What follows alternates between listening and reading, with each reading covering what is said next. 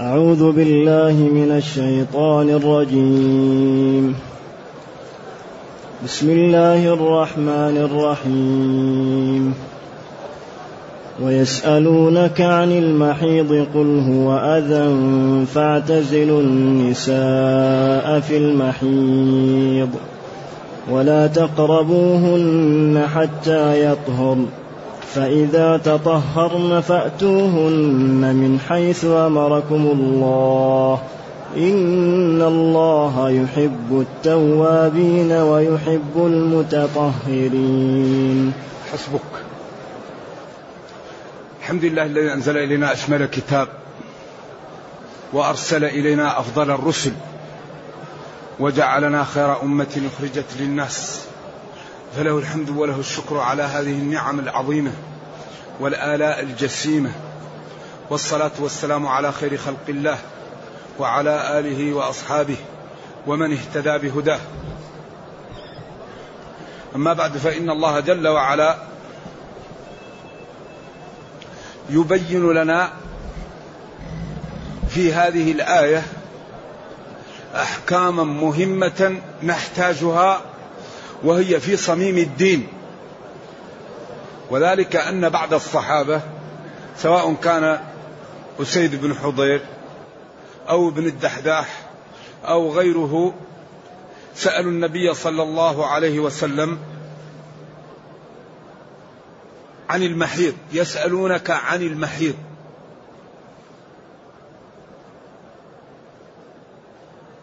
قل هو أذن.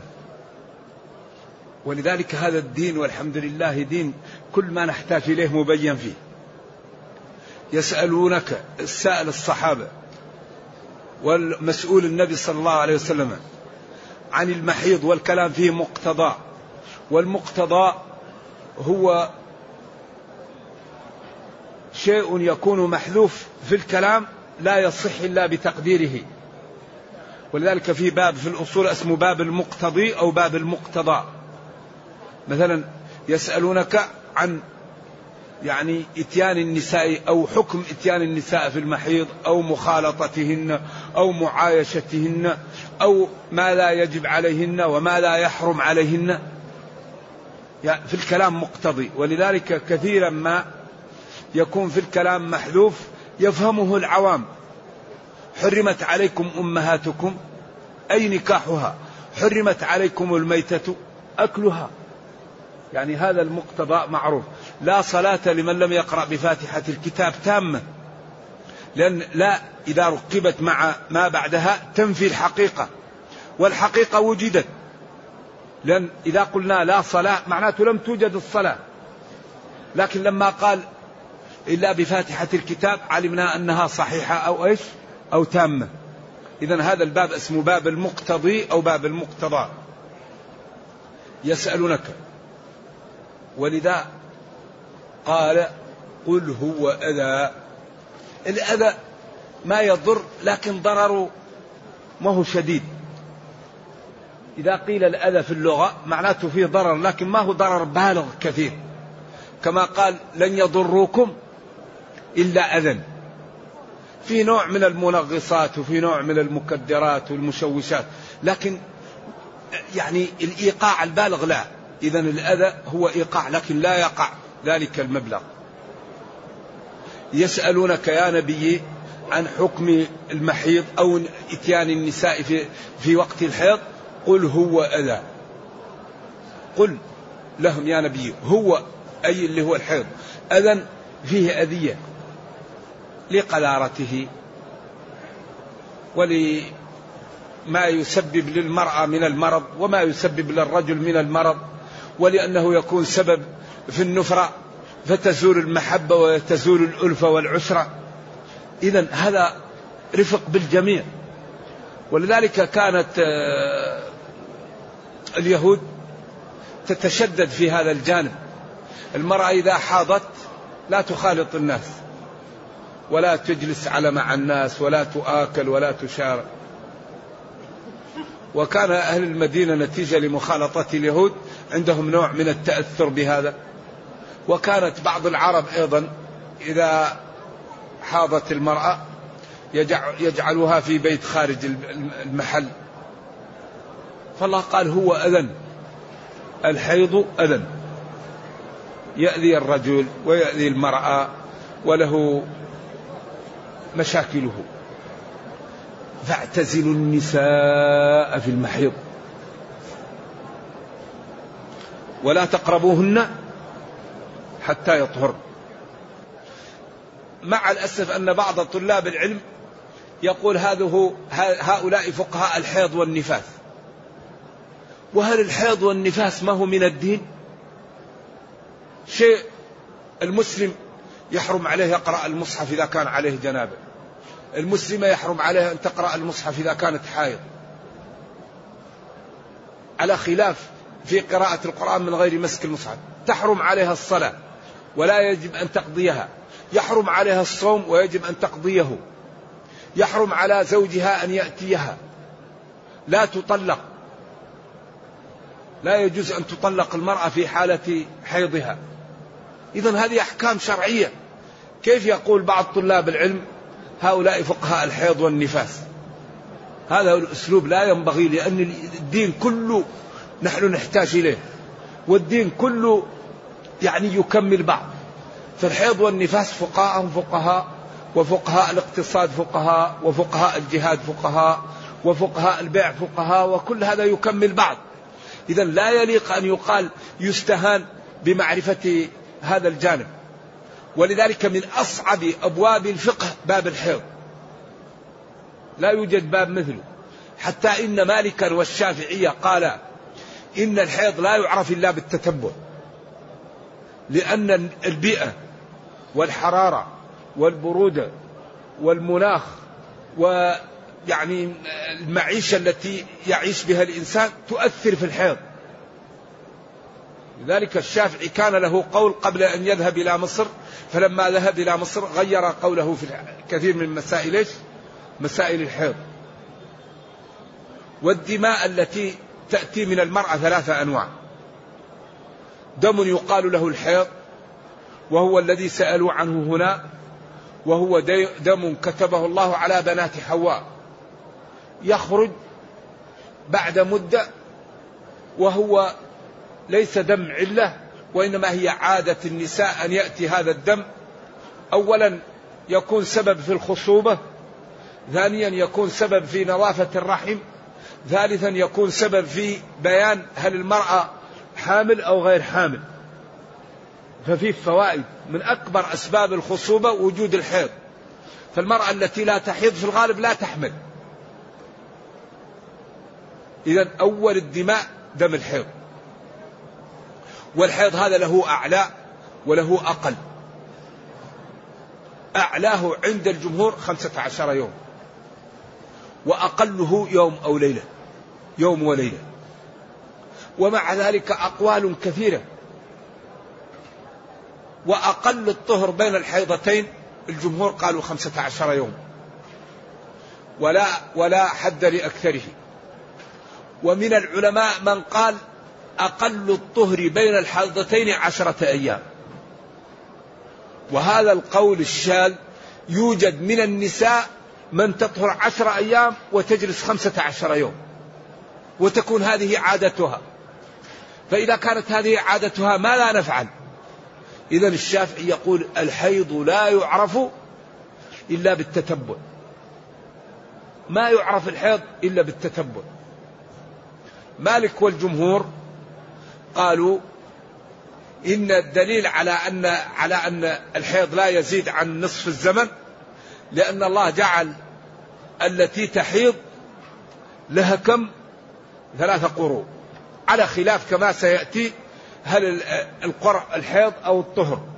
لأن من قال الطهر له لغة وحديث وأدلة تدل عليه. ومن قال الطهر له أدلة. يعني الذي يقول أن القرء هو الحيض له كتاب وسنة ولغة تدل عليه. والذي قال القرء الحيض طهر له كتاب وسنة وحديث يدل عليه. فالقول هذا صحيح والقول هذا صحيح وكل له أدلة كما سيأتي. ثمرة الخلاف أن الذي يقول أنه الحيض تكون لا, لا تطهر إلا إذا دخلت في الطهر. ومن قال أن الحيض تكون إذا دخلت في الحيض تخرج من العدة. أيوة. فقالوا إذا كانت أصحاب حيض لها ثلاثة. والمطلقات يتربصن بأنفسهن ثلاثة قروء. قالوا وإذا لم تكن من أهل الحي يعني الحيض بأن كانت كبيرة أو صغيرة قال واللائي يئسن من المحيض من نسائكم إن ارتبتم فعدتهن ثلاثة أشهر واللائي لم يحضن. إذا قالوا ثلاثة أشهر هي اللي يأتي فيها هذا. إذا جعل النص لمن تحيض والنص ليش؟ للطهر. وقالوا إذا لا يزيد الحيض عن نصف الزمن. واستدلوا على ذلك بقوله لما قال ما رأيت ناقصات عقل ودين أذهب بلبد الرجل الحازم من إحداكن. قالوا يا رسول الله كيف نقص عقلنا وديننا؟ قال المرأة شهادتها نصف شهادة الرجل مرأتين على رجل. وهذا من نقصان إيش؟ عقلها.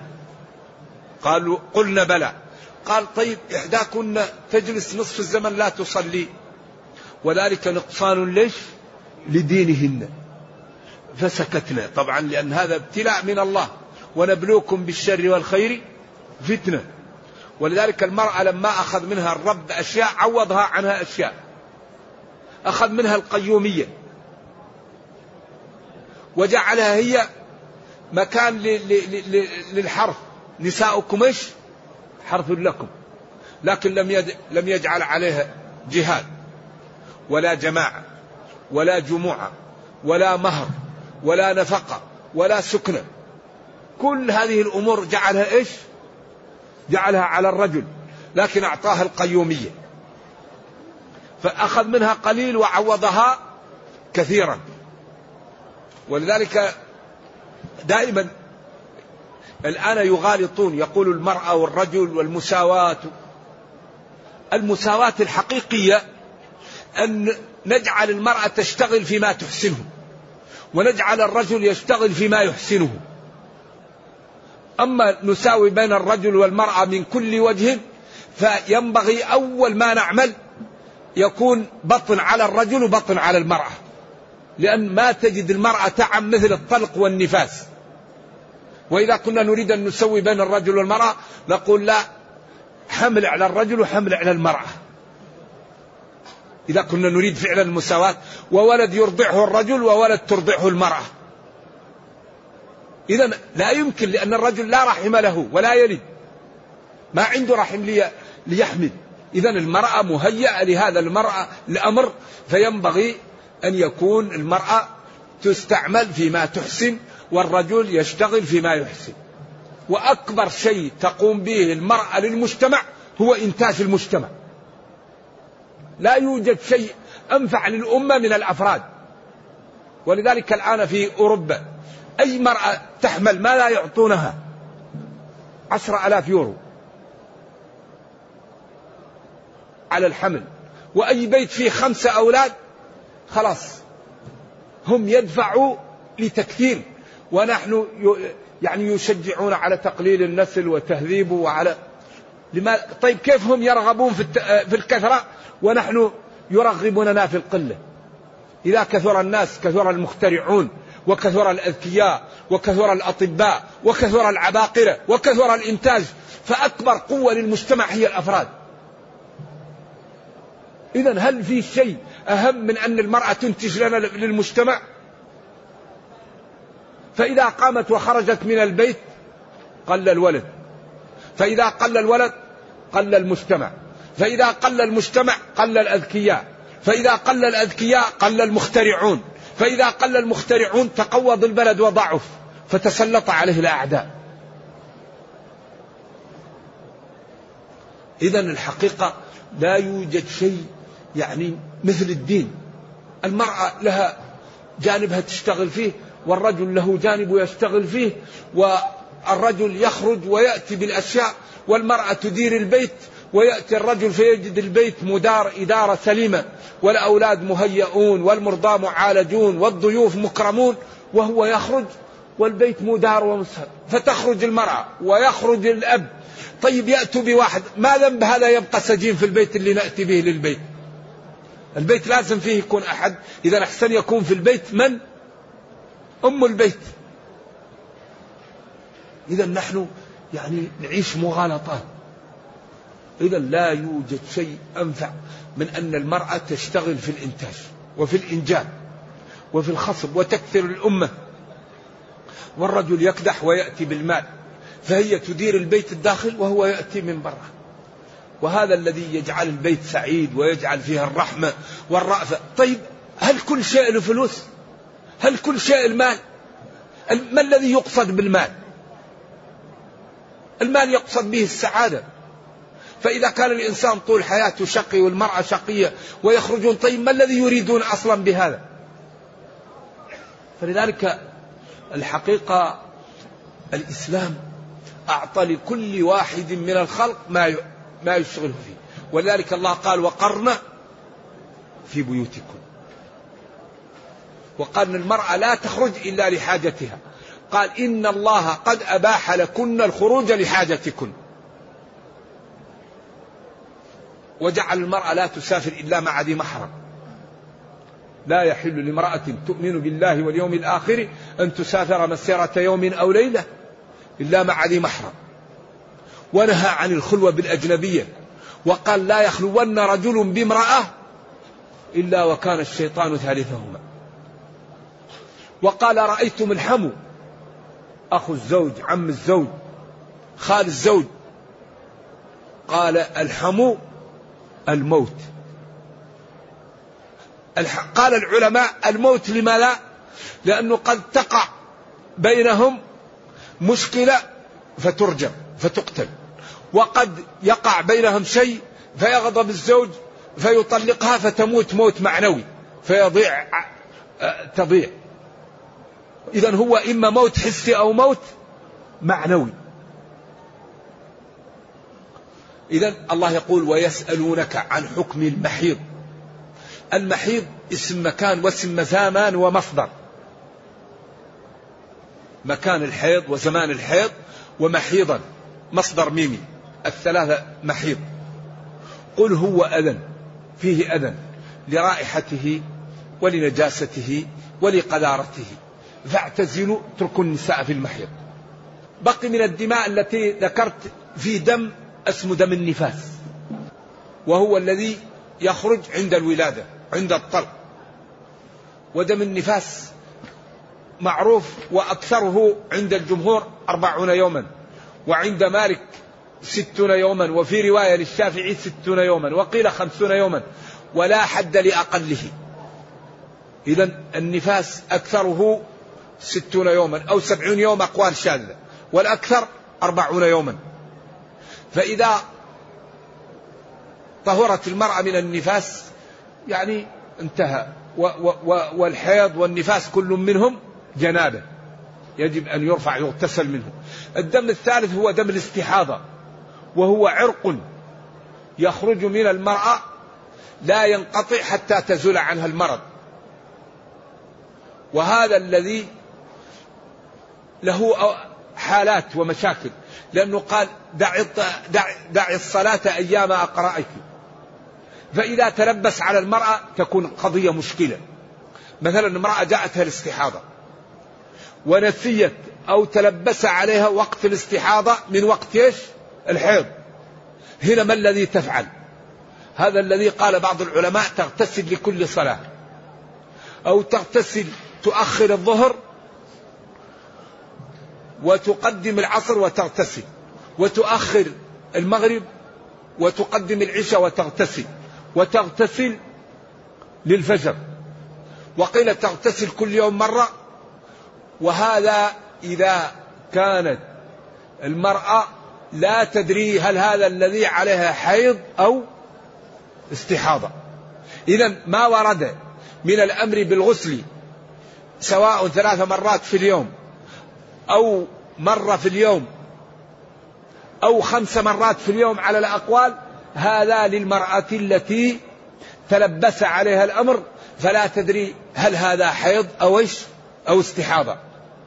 فتغتسل لكل صلاة لأنه إذا كان هذا اللي قبله حيض ما, ما يكفيها الوضوء. أما إذا كانت المرأة عارفة لحيضها أيام حيضها من أيام استحاضتها فهي تتوضأ لكل صلاة ولا يلزمها إيش؟ الغسل إلا مندوبا إليها. ولذلك النبي صلى الله عليه وسلم قال إن دم الحيض أسود يعرف أو يعرف. إن دم الحيض أسود. ثخين يعرف يعني له رائحة.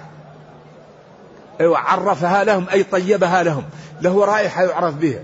أو دم الحيض أسود ثخين يعرف بصفاته الموجودة فيه. فإذا تغير ذلك على المرأة وجاءها دم يعني رقيق لا رائحة له علمت أن ذلك إيش؟ استحاضة. إذا إذا كان هذا الذي يأتيها واضح ولا فيه لبس ما يلزمها الغسل إلا بعد أن تطهر من الاستحاضة. الفرق بين دم الحيض والاستحاضة أن دم الحيض يحرم معه الطواف على القول الراجح ويحرم معه الجماع وتحرم معه الصلاة ولا تقضى ويحرم معه الصوم ويقضى. واختلف العلماء في قراءة القرآن وفي دخول المسجد وفي ماذا الآخر من الأشياء المختلف فيها مس المصحف. فهذه الأشياء مختلف فيها. أما الحائض فقال العلماء فيها ثلاثة أقوال. قول إنها أيضا لا لا يأتيها زوجها لأن هذا دم وهو قذر وينبغي أن تعتزل فيه. القول الثاني أنه يباح مجيئها. القول الثالث التفريق بين إذا طال عليها وكان أمده ليس بطويل. والتحقيق أن الحائض أن المستحاضة هي طاهر وأن الذي عليها لا يمنع الصلاة ولا يمنع الطواف ولا يمنع المجامعة. وإن كان الأولى الابتعاد عن هذا لأنه يسبب النفرة. نعم. هذه مختصر من أنواع الدماء الثلاثة الذي هو دم النفاس ودم الاستحاضة ودم الحيض. إذا قل هو أذن. إذا فاعتزلوا النساء. هذه فاء تسمى فاء العلة.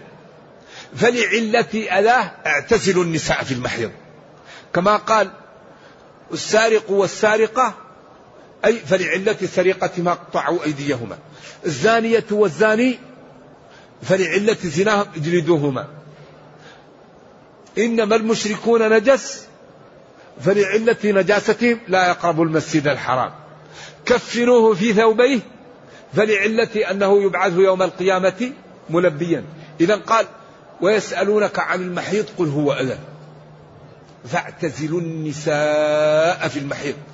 اعتزلوا هنا فيه من العلماء من أخذ بظاهر اللفظ فأصبح إذا حاضت المرأة يأخذ فراش وينام بعيد عنها. كابن عباس مثلا جاءت خالته فوجدته نائم في بعيد عن أهله. فقالت له لما لا تبعد؟ قالت له, قالت له زوجه إني طامثه طامث أي حائض. فقالت له أترغب عن سنة رسول الله صلى الله عليه وسلم كان ينام معي في لحاف واحد وأنا إيش؟ حائض. فلا ترغب. فهو كأنه رأى ظاهر اللفظ اعتزلوا النساء في المحيض. فاعتزل ابتعد. والتحقيق على الأقوال الكثيرة أن المقصود به محل الحيض. محل الحيض لا لا لا يؤتى للمرأة. ولذلك كان النبي صلى الله عليه وسلم يأمر آه، أزواجه فيتزرن ويباشرهن وهن حيض.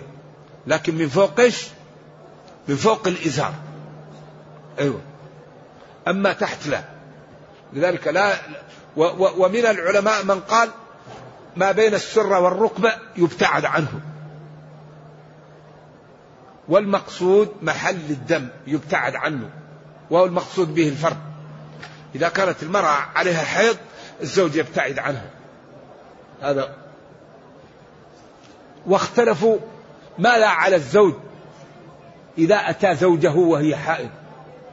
فالجمهور قالوا يستغفر الله عسى الله يستغفر فقط. وأحمد قالوا إن كانت عليها دم فيتصدق بدينار. وإن كان الدم انقطع ولم يبقى إلا الصفرة والكدرة فيتصدق بنصف دينار. إذا لا يجوز للمسلم أن يأتي أهله وهي حائض. والحقيقة الذي يفعل هذا هو يعصي الله تعالى. ولا تقربوهن حتى يطهرن. لا تقربوهن في ذلك المحل الذي فيه الأذى حتى يطهرن أي ينقطع الدم. والطهر للنساء يكون بأحد أمرين.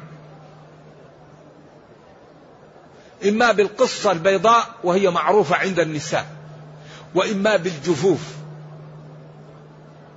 وللمالكية أقوال في الحيض غريبة. أولا الاستظهار وبعدين التلفيق وهذه أمور عند المالكية أما أما الشافعي فيقول إن الحيض يعرف بالتتبع. النساء عادتهن هي التي تحكم على الحيض. المالكية مثلا يقول المرأة إذا جاءها الحيض اليوم وبكرة طهرت وبعد بكرة جاءها حيض تعد أيام الحيض وتلغي أيام الطهر. فإذا جاءت خمسة عشر يوم بعدين تكون إيش؟ استحاضة. تلفق أيام الحيض وتلغي أيام الطهر فإذا اجتمعت خمسة عشر يوم عند ذلك تجعل أنها إيش؟ مستحاضة. هذا التلفيق يوجد عند المالكية وكذلك الاستظهار للمبتدئة إذا جاءها الحيض تضيف ثلاثة أيام ثم تصلي فإذا جاءها مرة أخرى ومرة ثالثة تكون عادة لها جديدة على خلاف للعلماء في ذلك. والحقيقة هذا مبحوث في المغني وفي المجموع وفي نيل الأوطار وفي كتب الفقه وينبغي للمسلم أن يقرأ هذا الباب على أهله وبناته في البيت وأخواته ويعلمهن هذا الباب فكثير من النساء يصلين ويطفن وهن حيض. لأن المرأة يأتيها الحيض يومين ثلاثة أربعة ثم تبقى الصفرة والكدرة أيام. فكثير من النساء لا إذا لم ترى الدم الأحمر تظن أنها طهرت. والمرأة لا تطهر إلا بالقصة البيضاء أو بالجفوف. فكثير من النساء الآن يصلين ويصمن ويحججن وهن حيض لعدم معرفتهن بالأحكام. فلذلك ينبغي لأولياء الأمور من أزواج وآباء وإخوان أن يعلي يعني يعلمنا أخواتهن يعني يعلمون أخواتهن أخواتهن أحكام الحيض والنفاس والاستحاضة ويبين لهن هذا الأمر لأن الصلاة عماد الدين. وإذا كانت المرأة غير طاهر صلاتها فاسدة وصومها فاسد. وهذه أمور الحقيقة خطيرة جدا فينبغي أن يتنبه منها. ولا تقربوهن حتى يطهرن. الطهر هو وجود القصة البيضاء أو إيش؟ أو الجفوف. فإذا تطهرن للعلماء فيه أيضا قولان. فإذا تطهرن هنا اغتسلن. أو فإذا تطهرن يعني نظفن من الحيض. والجمهور عندهم فإذا تطهرن اغتسلن. وفي ف... ولا تقربوهن حتى يطهرن وفي قراءة حتى يطهرن. فتكون راجعة للأولى. وأبو حنيفة يقول إذا طهرت قبل انتهاء أكثر مدة الحيض لا بد أن تغتسل. وإذا لم تطهر إلا بعد انتهاء مدة إيش؟ أكثر مدة الحيض فلها أن تغسل مكان الأذى ويأتيها زوجها. وإذا طهرت فالغسل مطلوب لكن ليس لازم. لكن لا بد أن تنظف المكان. إذا طهرت المرأة من الحيض فالغسل لها مطلوب لكن لا يلزم بإتيانها. لكن لا الأولى هذا. لأنه قال فإذا تطهرن. بعدين قال فأتوهن من حيث أمركم الله. حيث ظرف مكان.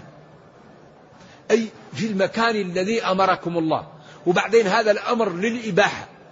لأنه جاء بعد حظر. ولذلك قال فاعتزلوا النساء. ثم قال فأتوهن. ثم قال وذروا البيع. فإذا قضيت الصلاة فانتشروا. وقال فإذا حللتم فاصطادوا. إذا فاصطادوا وفانتشروا. وهنا قوله فأتوهن. هذا الأمر يعود إلى ما كان عليه قبل قبل النهي.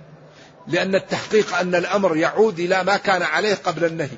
فإن كان مندوبا يكون مندوبا وإن كان مباحا يكون مباحا. فالأمر بعد الحظر يعود على ما كان عليه قبل الحظر. إذا فأتوهن من المكان. من المكان الذي أمركم الله به وهو القبل. وسنتطرق إلى قضية إتيان النساء في أدبارهن. وأن التحقيق أنه ملعون من فعل ذلك وما ورد من الأحاديث في ذلك لا يصح. وإن قدرنا إنه يصح فهو منسوخ. لأنه قال نساؤكم حرث لكم. أيوة. إذا كان في صمام واحد إذا كان في محل الحرث كما سيأتي. إذا قال فإذا تطهرن فأتوهن من حيث أمركم الله وهو القبل. إن الله يحب التوابين أي كثير التوبة لله. والمتطهرين من الذنوب ومن الأقدار ولذلك لرحمته بنا علمنا هذا الأمر وبين لنا هذه الفوائد وهذه المنافع العظيمة. فنشكر ربنا على هذه النعم ونرجو الله جل وعلا أن يوفقنا وإياكم لما يحبه ويرضاه وأن يجعلنا جميعا من المتقين. إنه خير مسؤول والقادر على ذلك. وصلى الله وسلم وبارك على نبينا محمد وعلى آله وصحبه. والسلام عليكم ورحمة الله وبركاته. طبعا نحن يوم الخميس ويوم الجمعة عندنا إجازة يعني نجيزكم ليلة الخميس والجمعة.